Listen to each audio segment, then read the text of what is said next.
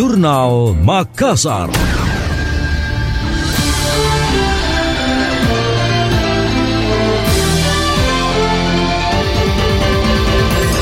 Kepala Staf TNI Angkatan Darat Kasat Jenderal TNI Dudung Abdurrahman mengapresiasi berbagai inovasi yang digagas Wali Kota Makassar Dani Pomanto. Misalnya program lorong wisata dianggap sebagai terobosan penting yang manfaatnya langsung dirasakan masyarakat. Hal itu disampaikan saat mendatangi kantor Balai Kota Makassar. Kunjungan tersebut dalam rangka menyerahkan bantuan sosial kepada tukang becak, korban banjir, anak jalanan, dan anak terdampak stunting. Dalam sambutannya, Panglima TNI memerintahkan seluruh jajaran khususnya di Makassar untuk mengamalkan ilmunya dalam membantu masyarakat.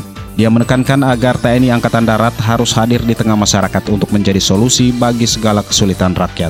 Lebih lanjut, Jenderal Dudung mengaku Makassar memiliki kesan khusus. Dirinya merasa kunjungannya kali ini serasa pulang kampung. Sementara Wali Kota Makassar Dani Pomanto mengatakan lorong wisata merupakan salah satu program unggulan pengendalian inflasi di mana kegiatannya melibatkan warga untuk bercocok tanam di lorong-lorong. Dinas Pertanahan Kota Makassar mencatat sekitar 4.000 aset berupa lahan milik pemerintah belum mengantongi sertifikat.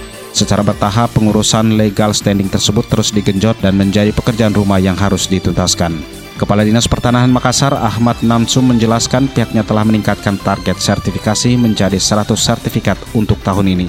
Angka itu lebih tinggi dari capaian 2022 lalu, yaitu sebanyak 83 aset. Peningkatan jumlah ini diharapkan bisa progresif untuk menekan mafia tanah di Makassar.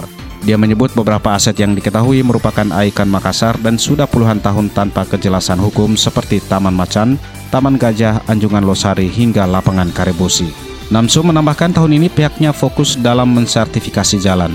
Hal ini berbeda dari 2022 lalu yang sebagian besar yaitu sekolah. Konsen sertifikasi lahan ini lantaran banyaknya jalan-jalan yang diserobot oleh masyarakat, salah satunya kasus Bandung Gorden di Pasar Sentral Makassar. Sementara itu, papan bicara telah dipasang pada sejumlah jalan konsen yang menyasar lorong wisata.